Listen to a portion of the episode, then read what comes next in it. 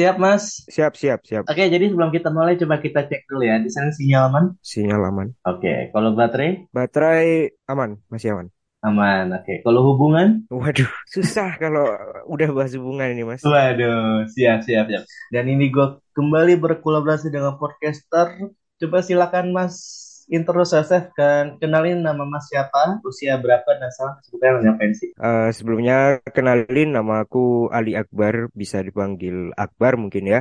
Aku dari podcast Neras Football and Konspirasi dan umur aku masih 19 tahun. 19 tahun. Oh, berarti jatuhnya kalau kayak gini mulai podcastnya dari kapan, Mas? Kalau eh, Neras Football and Konspirasi sendiri ini mulainya itu dari 2021 sekitar bulan Juni kalau nggak salah. Juni atau Juli gitu. Hmm, berarti yang membahas lebih mengarah ke konspirasi tentang sepak bola ya. Benar. Dan juga kita mungkin eh, sering ngulik permainan eh, game apa maksudnya kayak eh, suatu pertandingan yang mungkin lagi rame itu eh, sering kita bahas taktiknya kayak gini-gini lah, siapa aja yang main gitu-gitu sih. Nah, mengenai konspirasi. Nah, kalau saya bagi kalian mengenai episode pada kali ini sempat ada isu mengenai sepak bola juga bahwa Piala Dunia U20 gagal dilaksanakan di Indonesia bahkan dari tahun 2021 ya.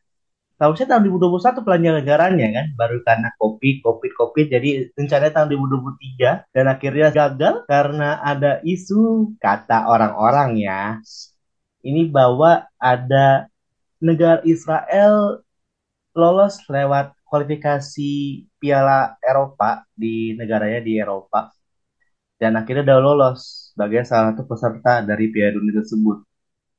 Nah, kalau saya menurut Mas dari kondisi begitian, Mas lebih ke pro atau kontra? Waduh.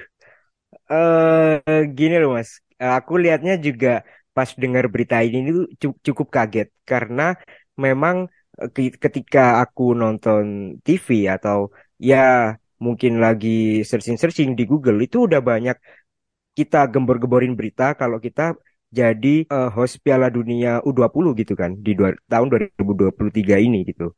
Dan Hmm. eh, cukup mengagetkan ketika persiapannya udah mateng, udah eh, countdown nih, udah beberapa hari lagi eh, mau diselenggarain, tapi tiba-tiba batal. Itu menurutku eh, nggak banget gitu. Maksudnya karena kita juga secara persepak bolaan di dunia udah dipandang jelek, apalagi terakhir kali dengan tragedi Kanjuruhan, kalau misalnya mau dihubungin ya, itu kan juga Hmm. mempengaruhi persepak bolaan di Indonesia di kancah internasional kan. Nah Iya ini betul. ditambah lagi masalah eh, batalnya kita eh, menjadi host Piala Dunia U20 itu benar-benar bermasalah sih kalau aku ngelihatnya ya. Iya, bahkan kayak gimana ya? Kita udah persiapan dari Didin tahun 2019 sampai sekarang nih kita taping pas tanggal 8 April 2023. Eh gagal. Ya rehat-rehat juga gitu lah. Jadi Hmm. apa ya bisa dibilang kayak rada susah juga sih untuk menyikapi kondisi yang tersebut. Bahkan kalau bisa kita tarik ulur ya dari sejarah-sejarah sebelumnya pas di era-era Olimpiade. Kurangnya kayak Olimpiade ya pas itu. Karena ada kasus di mana Indonesia juga sempat menolak kehadiran Israel di Indonesia. Kayaknya Olimpiade ya. Coba saya searching dulu. Kayaknya mengenai Olimpiade yang di eranya Presiden Soekarno dulu. Masih ingat gak pas itu? Yang Olimpiade kapan itu yang Israel nggak jadi datang gitu mas? Iya, aku sempat dengar juga eh, penolakan kita terhadap eh, Israel dengan apa Olimpiade kalau nggak salah emang bener ya Olimpiade kalau nggak salah waktu itu ya alasannya adalah Presiden Soekarno itu menghimbau apa ya masyarakatnya atau eh, menteri-menterinya seluruh warga negara Indonesia untuk apa ya kayak mendukung mendukung kemerdekaan Palestina gitu. Jadi dengan eh, kedatangan Israel ke negara kita ke Indonesia itu sama aja dengan kita tidak mendukung dan tidak sekubu dengan Palestina. Bisa dibilang kayaknya kayak gitu sih kalau ya misalnya kita jadi menerima eh, Israel gitu. Nah, sorry itu saya sebelumnya saya tarik pertanyaan saya, eh, pernyataan saya bukan Olimpiade, melainkan ke Asian Games keempat tahun 1962. Jadi ini ada artikel dari Oh, oke. tempo.co. Itu judulnya Soekarno tolak Israel di Asian Games keempat 1962 hingga berani keluar dari IOC jauh sebelum Piala Dunia U20 tahun 2023 kemarin. Bahkan lucunya Hmm. pas ya kalian menarikan atau mungkin mengikuti sosial media perkembangan sekarang kan U20 eh, hostnya saya udah di Argentina ya. Jadi udah fix ya di Argentina berarti ya. Eh, kayaknya ya sih, kayaknya ya Mas. Waktu itu juga sempat eh, ada rumor juga eh, Peru kan bakal jadi eh, host penggantinya Indonesia. Cuman kayaknya ini lebih fixnya ke arah eh, ke Argentina sih kayaknya. Ah. bahkan kalau saya saya juga sempat baca juga, bahkan Messi pun menolak kehadiran Israel ke negaranya. Wah, oke, Eh, lumayan fun fact ya. Iya, sem- sempat ada sempat ada juga sih kayak pernyataan Messi tapi di zaman-zaman dulu banget gitu loh. Jadi kayak dibatin dari benang tipis bahwa kayak sempat yang Messi pernah menyatakan bahwa dia mendukung Palestina. So pasti kan ya ini asumsi dari media-media gitu loh bahwa pas ya orang udah mendukung Palestina pasti secara tidak langsung menolak Israel gitu loh. Nah, kebetulan juga penyelenggara berikutnya U20 Piala Dunia itu ada ya di Argentina. Nah, Hmm. untuk opini lo sekarang ini gimana tuh? Gimana ya? Nah ini juga FIFA pasti ju- juga bakal mikir-mikir lagi ya. Maksudnya kalau kalau eh, juga negara Argentina ini misalnya melakukan penolakan se- selainnya Indonesia penolakan terhadap kedatangan Israel ke negara mereka, itu FIFA juga makin bingung lagi. Pasti juga penyelenggaraan Piala Dunia U20 ini bisa aja mundur-mundur-mundur terus gitu loh. Dan penyebab awalnya itu Indonesia. Kalau misalnya juga Argentina eh, batal jadi host tapi berarti kan eh, apa ya? Inti masalahnya adalah tetap Indonesia jadi masalah gitu loh. Karena kita yang mengawali penolakan tersebut seperti itu sih. Nah, jadi pada intinya judul pada episode pada kali ini itu politik ya politik, boleh ya bola gitu. Nah, Ya, walaupun benar. hitungnya pada akhirnya secara puji syukur kepada Tuhan Yang Maha Esa karena pendapat kita menolak Israel itu ya bisa dibilang kayak dikasih kartu kuning lah dari pihak FIFA. Kan sempat juga tuh uh, pernyataan kemarin malam kayaknya di Instagramnya Erick Thohir, ketua PSSI sekarang, bahwa FIFA itu tidak memblacklist tanda, tanda kutip ya, tidak memblacklist negara Indonesia, hanya dikenakan bi, uh, kerugian untuk administrasi aja. Jadi setidaknya kayak untuk kayak orang-orang ah, negara-negara yang pengen tanding ke Indonesia ya tidak disupport lah sama biaya-biaya dari FIFA. Hanya begitu aja. Untungnya ya kartu kuningnya hanya begitu doang gitu loh. Walaupun hitungannya sempat krusial juga tuh. Kalau saya pas awal-awal kita lihat sosial media, awalnya kenapa sih kok jadi highlight banget gitu loh. Sedangkan kan kita hostnya kan kita nggak tahu nih peserta dari mana-mana aja gitu loh. Tiba-tiba muncullah. Israel. Ya itu pun Israel udah lolosnya pun ada kali setahun dua tahun sebelum penyelenggaraan gitu ya. Nah baru di highlight beberapa minggu sebelum gagal kita untuk pengundian. Kalau saya menurut Mas sendiri, apakah bola itu perlu untuk unsur politik apa bagaimana? Em, gimana ya Mas? Kalau sebenarnya gimana pun yang di negara ini tuh gak bisa lepas dari politik pasti. Tapi kalau misalnya eh, hal seperti ini, eh, hal yang udah mendekati hari H penyelenggaraan dan itu baru diungkit dan apa ya, bener baru kayak digembor-gemborin, udah eh, ini penolakan terhadap Israel, ini kita nggak bisa nerima Israel ke negara kita kayak gitu. Itu bener-bener aneh menurutku karena sebenarnya eh, Piala Dunia U20 ini juga mau diselenggarain kalau nggak salah itu di tahun 2021 tapi di, eh, waktu itu diundur karena emang COVID lagi rame-ramenya kan di negara kita. Parah banget waktu itu kan. Jadi nggak bisa gitu kalau kita mau nyelenggarain Piala Dunia U20 di negara kita dengan enam venue yang eh, tersebar. Dan itu bener-bener menurutku nggak bisa waktu itu kalau diselenggarain. Dan harusnya waktu itu kan udah ada rumor nih kalau bukan rumor malah harusnya udah ada kepastian bahwa Indonesia itu jadi eh, tuan rumah Piala Dunia 2021 ini. Oh, Piala Dunia U20 ini. Tapi uh, kenapa Indonesia masih apa ya? Waktu itu belum ada yang gebor-geborin berita soal penolakan terhadap datangnya Israel gitu loh. Itu menurutku aneh banget. Tapi kalau mau dikaitin lagi dengan uh, penolakan yang baru aja terjadi, itu bisa uh, banyak banyak uh, oknum yang bisa terlibat gitu, banyak uh, pihak yang bisa terlibat, bahkan bukan hanya kayak kader-kader partai, mungkin lebih dari itu uh, petinggi-petingginya itu mungkin bisa kena semua gitu sebenarnya, dan mereka juga saling berkaitan dengan batalnya Piala Dunia ini gitu. Menurutku sih kayak gitu. Masalahnya kan kalau misalnya untuk negara Israel sendiri kan untuk penyelenggara olahraga kan udah banyak juga tuh atlet-atlet yang sudah bertanding untuk demi nama negara mereka gitu. Di beberapa Betul. cabang olahraga kayak bulu tangkis. Dan bahkan sampai sekarang ini aja lagi highlight itu ada penyelenggaraan olahraga yang di Bali. Saya lupa namanya apa itu penyelenggara olahraganya Oh iya. nah itu Uh, kan ada juga tuh kayak pesertanya kan negaranya juga Israel gitu loh nah hmm. maksudnya kenapa bola gitu loh? Kenapa nggak olahraga yang lain gitu maksudnya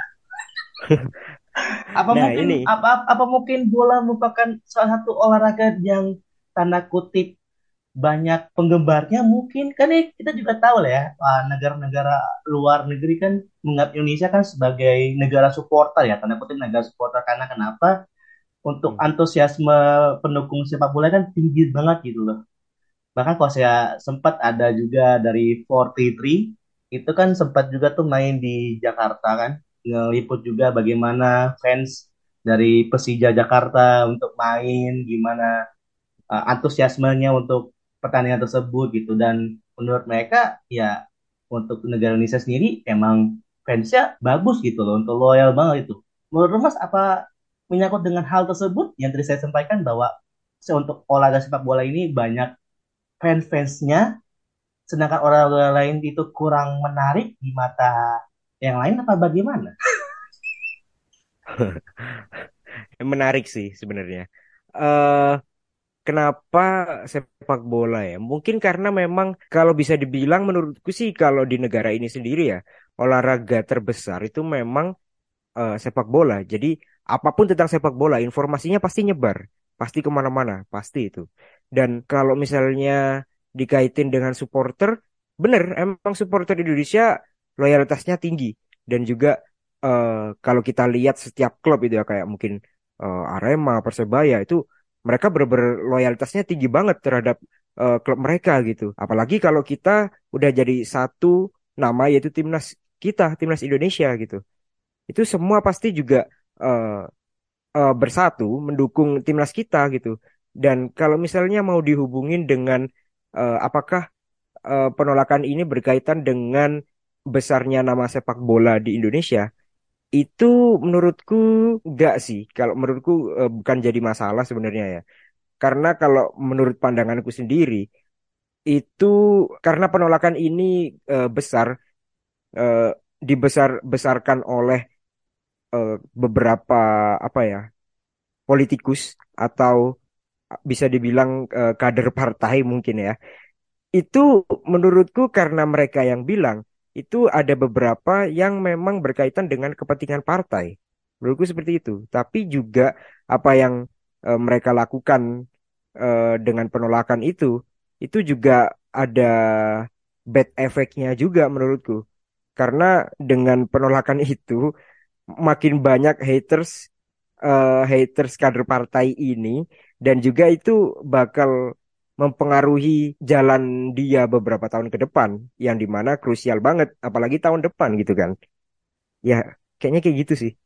Aku juga cukup nggak paham dengan apa yang eh, udah dia lakukan tapi ya this is it. Kalau saya bisa bilang tentang politik, Mas tahu kan kalau misalnya kita tarik ulur dengan negara Mhm. Qatar kemarin kan di Piala Dunia kemarin di Qatar, bahkan di Qatar sendiri aja yang biasanya kita sebagai fans sepak bola mengetahui kalau Piala Dunia itu dilaksanakan setiap bulan Juni atau Juli, ini dari pihak Qatar itu pun melaksanakannya di bulan November bahkan Desember. Betul. Nah, ya mungkin itu berpengaruh juga dengan cuaca di sana. Bahkan kalau saya di satu grup, Mas tahu kan ada grup di mana Amerika Serikat Inggris dan Iran. Iya, iya itu betul. Gimana nggak politik banget gitu loh. Iya, memang, memang, memang. Nah, di situlah, di situlah anehnya eh, negara ini gitu. Kalau eh, kita ngomongin soal politik, apa nggak bet- begitu kerasnya politik negara-negara yang barusan Mas sebutin itu?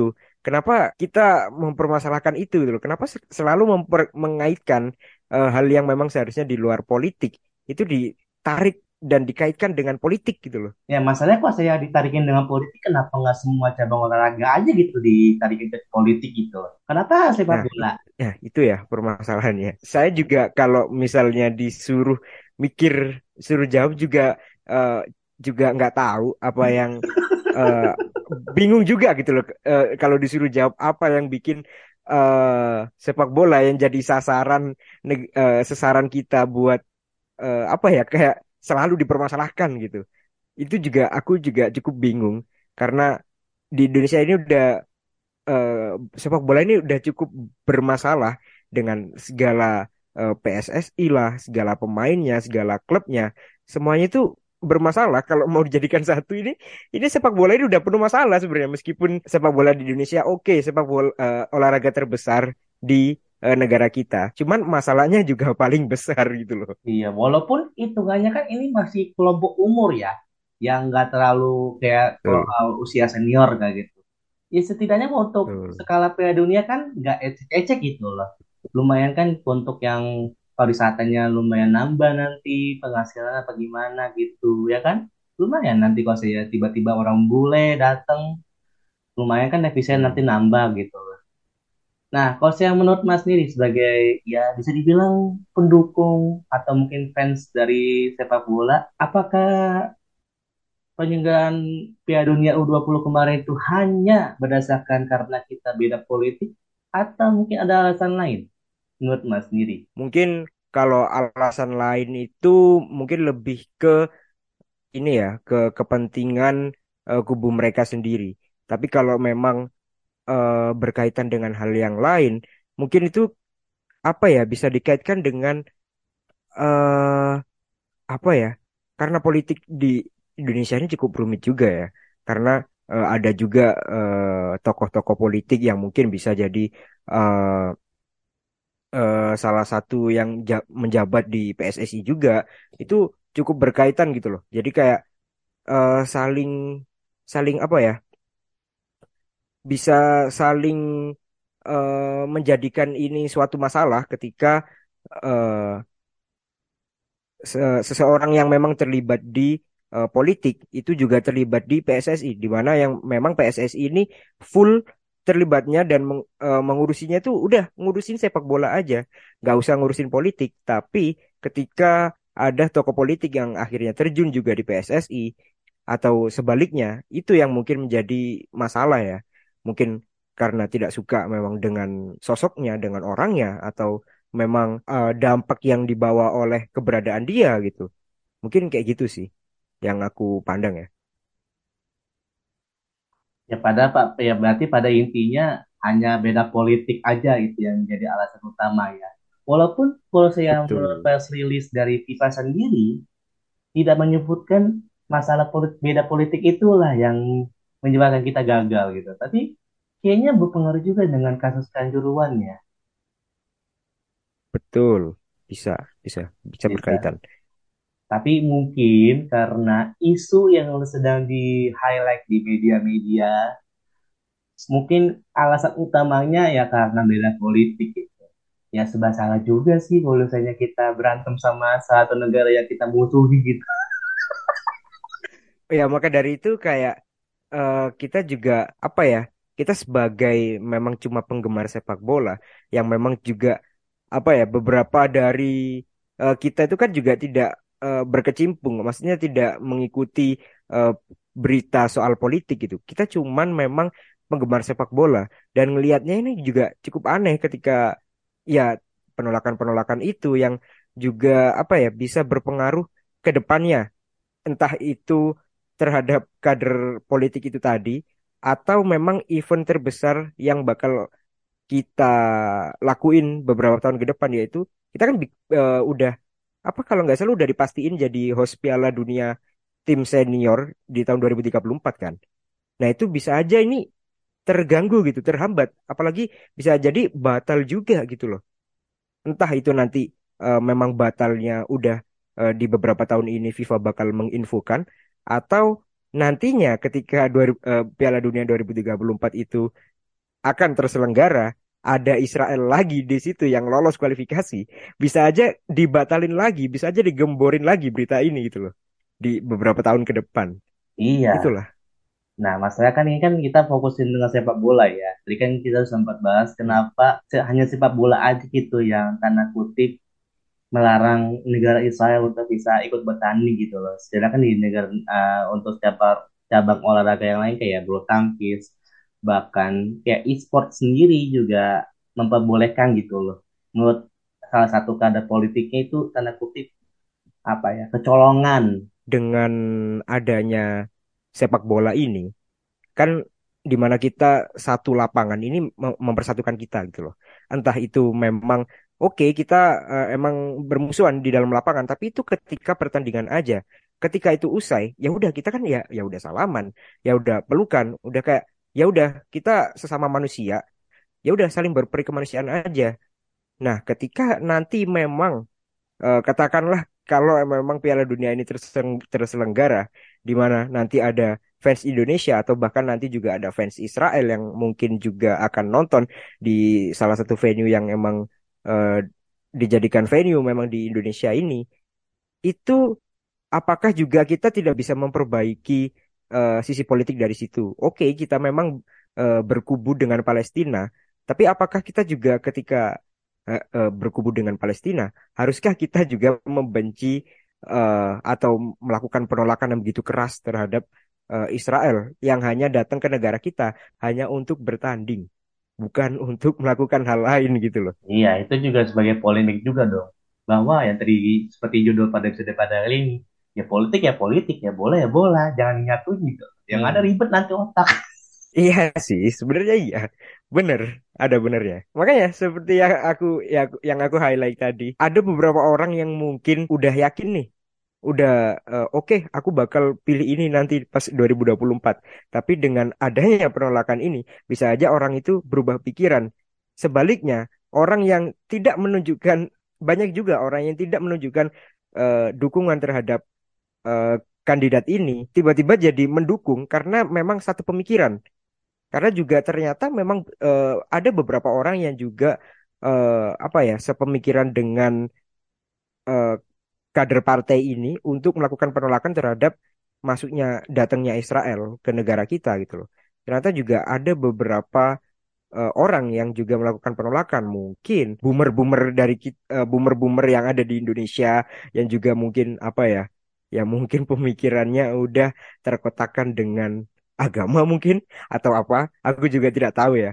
Tapi itu mungkin juga bisa mempengaruhi gitu menurutku. Saking banyaknya informasi yang kita cerna, ya kita juga bingung mau memilih yang mana gitu ya kan. Oke, jadi sebelum menutupi episode pada kali ini, coba Mas kasih kesan. Kesan Mas sebagai pendukung sepak bola yang mendengarkan kabar bahwa penyelenggara penyelenggaraan FIFA World Cup U20 gagal di Indonesia. Bagaimana kesan Mas dari segi mana pun lah, tapi jangan sampai politik karena ya kita juga tadi udah bahas seberapa rumitnya menggabungkan politik dengan bola dan pasti juga gak nyambung karena juga beda genre. Ya lu bayangin aja kalau saya kita dengerin musik genre dangdut sama rock ya bingung juga nanti dengernya gimana gitu. Betul. Nah, jadi juga gimana kan eh, Mas coba kasih kesan dan coba kasih pesan si Mas sendiri mengenai topik pada kali ini. Silakan. Kalau emang eh, kita masih tidak bisa melepas eh, semua hal yang ada di negara ini dengan politik, dan mending besok-besok nggak usah nggak usah lah lakuin bidding itu nggak usah. Jadi kalau em- memang eh, oke, aku tahu kita eh, mungkin ada pride, ada kebanggaan ketika eh, kita bisa melakukan bidding melaku- eh, dan itu menang dan kita oh jadi host Piala Dunia gitu. Oke, kita bakal ada kebanggaan tersendiri.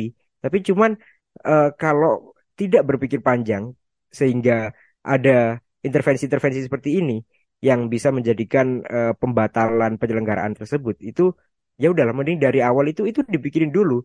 Harusnya orang-orang pintar ini harusnya juga memikirkan jangka panjangnya. Bisa nggak uh, terselenggara di negara kita gitu. Kalau memang nggak bisa apa alasannya? Nah nah nah nah, nah. oke. Kalau masuk akal ya udah kita nggak usah ngelakuin bidding gitu loh. Kalau kayak gini udah pengaruhnya ke mana aja udah banyak banyak banget ke dunia ekonomi bisa bisa nyambung karena juga uh, dengan penjualan tiket dan juga uh, mungkin orang-orang jualan merchandise, orang-orang jualan snack di pinggir-pinggiran lapangan itu kan pasti banyak gitu loh. Itu uh, eh, UMKM pasti kena semua gitu loh dengan uh, pembatalan ini. Satu, ekonomi. Kedua, kalau kita mau lihat dari anak-anak uh, umur uh, di bawah ya U20 itu, timnas U20 Indonesia, ini kita udah dikasih uh, oke okay, kita bidding menang udah dan kita jadi host Piala Dunia. Dengan kata lain, kita udah dapat shortcut untuk bisa main di Piala Dunia, even itu Piala Dunia U20 gitu loh. Ini udah bagus karena kita nggak lolos kualifikasinya, cuy gitu loh. Kita udah dapat uh, privilege untuk main, tapi kenapa kita nggak bisa manfaatin itu dengan baik gitu loh? Kenapa harus ada pihak-pihak lain yang mengintervensi ini sehingga membatalkan mimpi-mimpi anak-anak muda ini untuk bermain gitu loh.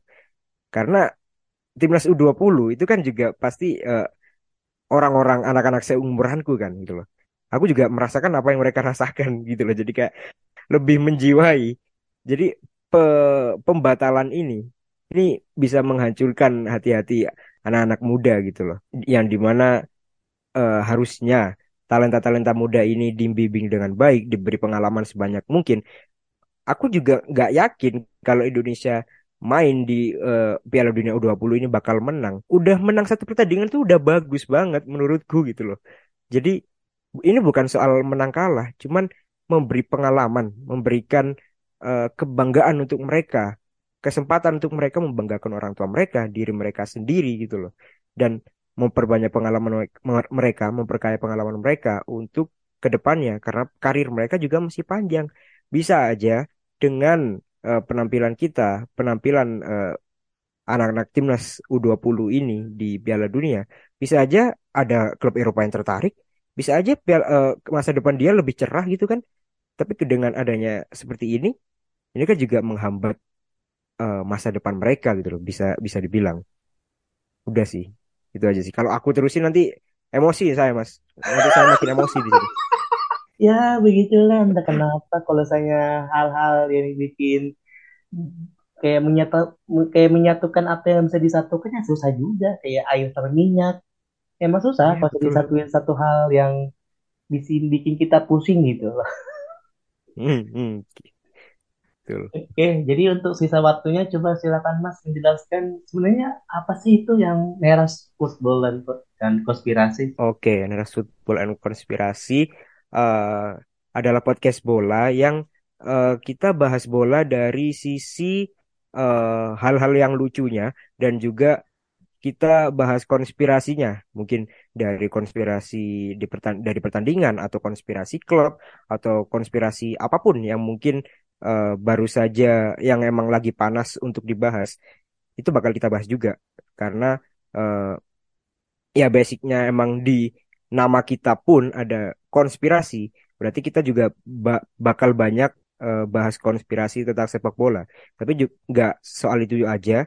Kita juga sering uh, bahas pertandingan-pertandingan yang memang baru selesai dan emang lagi panas untuk dibahas. Kita bahas uh, soal apa ya isu yang lagi panas dan juga mungkin kita uh, jelasin uh, sejarah klub atau sejarah pemain ini. Ini pemain siapa sih gitu loh. Kita bisa uh, kita juga jelasin di situ. Dan juga mungkin kita bongkar taktik dari uh, satu pertandingan. Kita lihat satu klub ini uh, mainnya kayak gimana. Yang klub ini mainnya kayak gimana. Itu kita bongkar semua di uh, beberapa episode kita gitu Thank you mas atas waktunya sorry banget gak waktunya. Oke terima kasih banyak mas. Berikut mau merupakan episode pada kalian sampai jumpa di episode berikutnya dadah sampai jumpa. Terima kasih.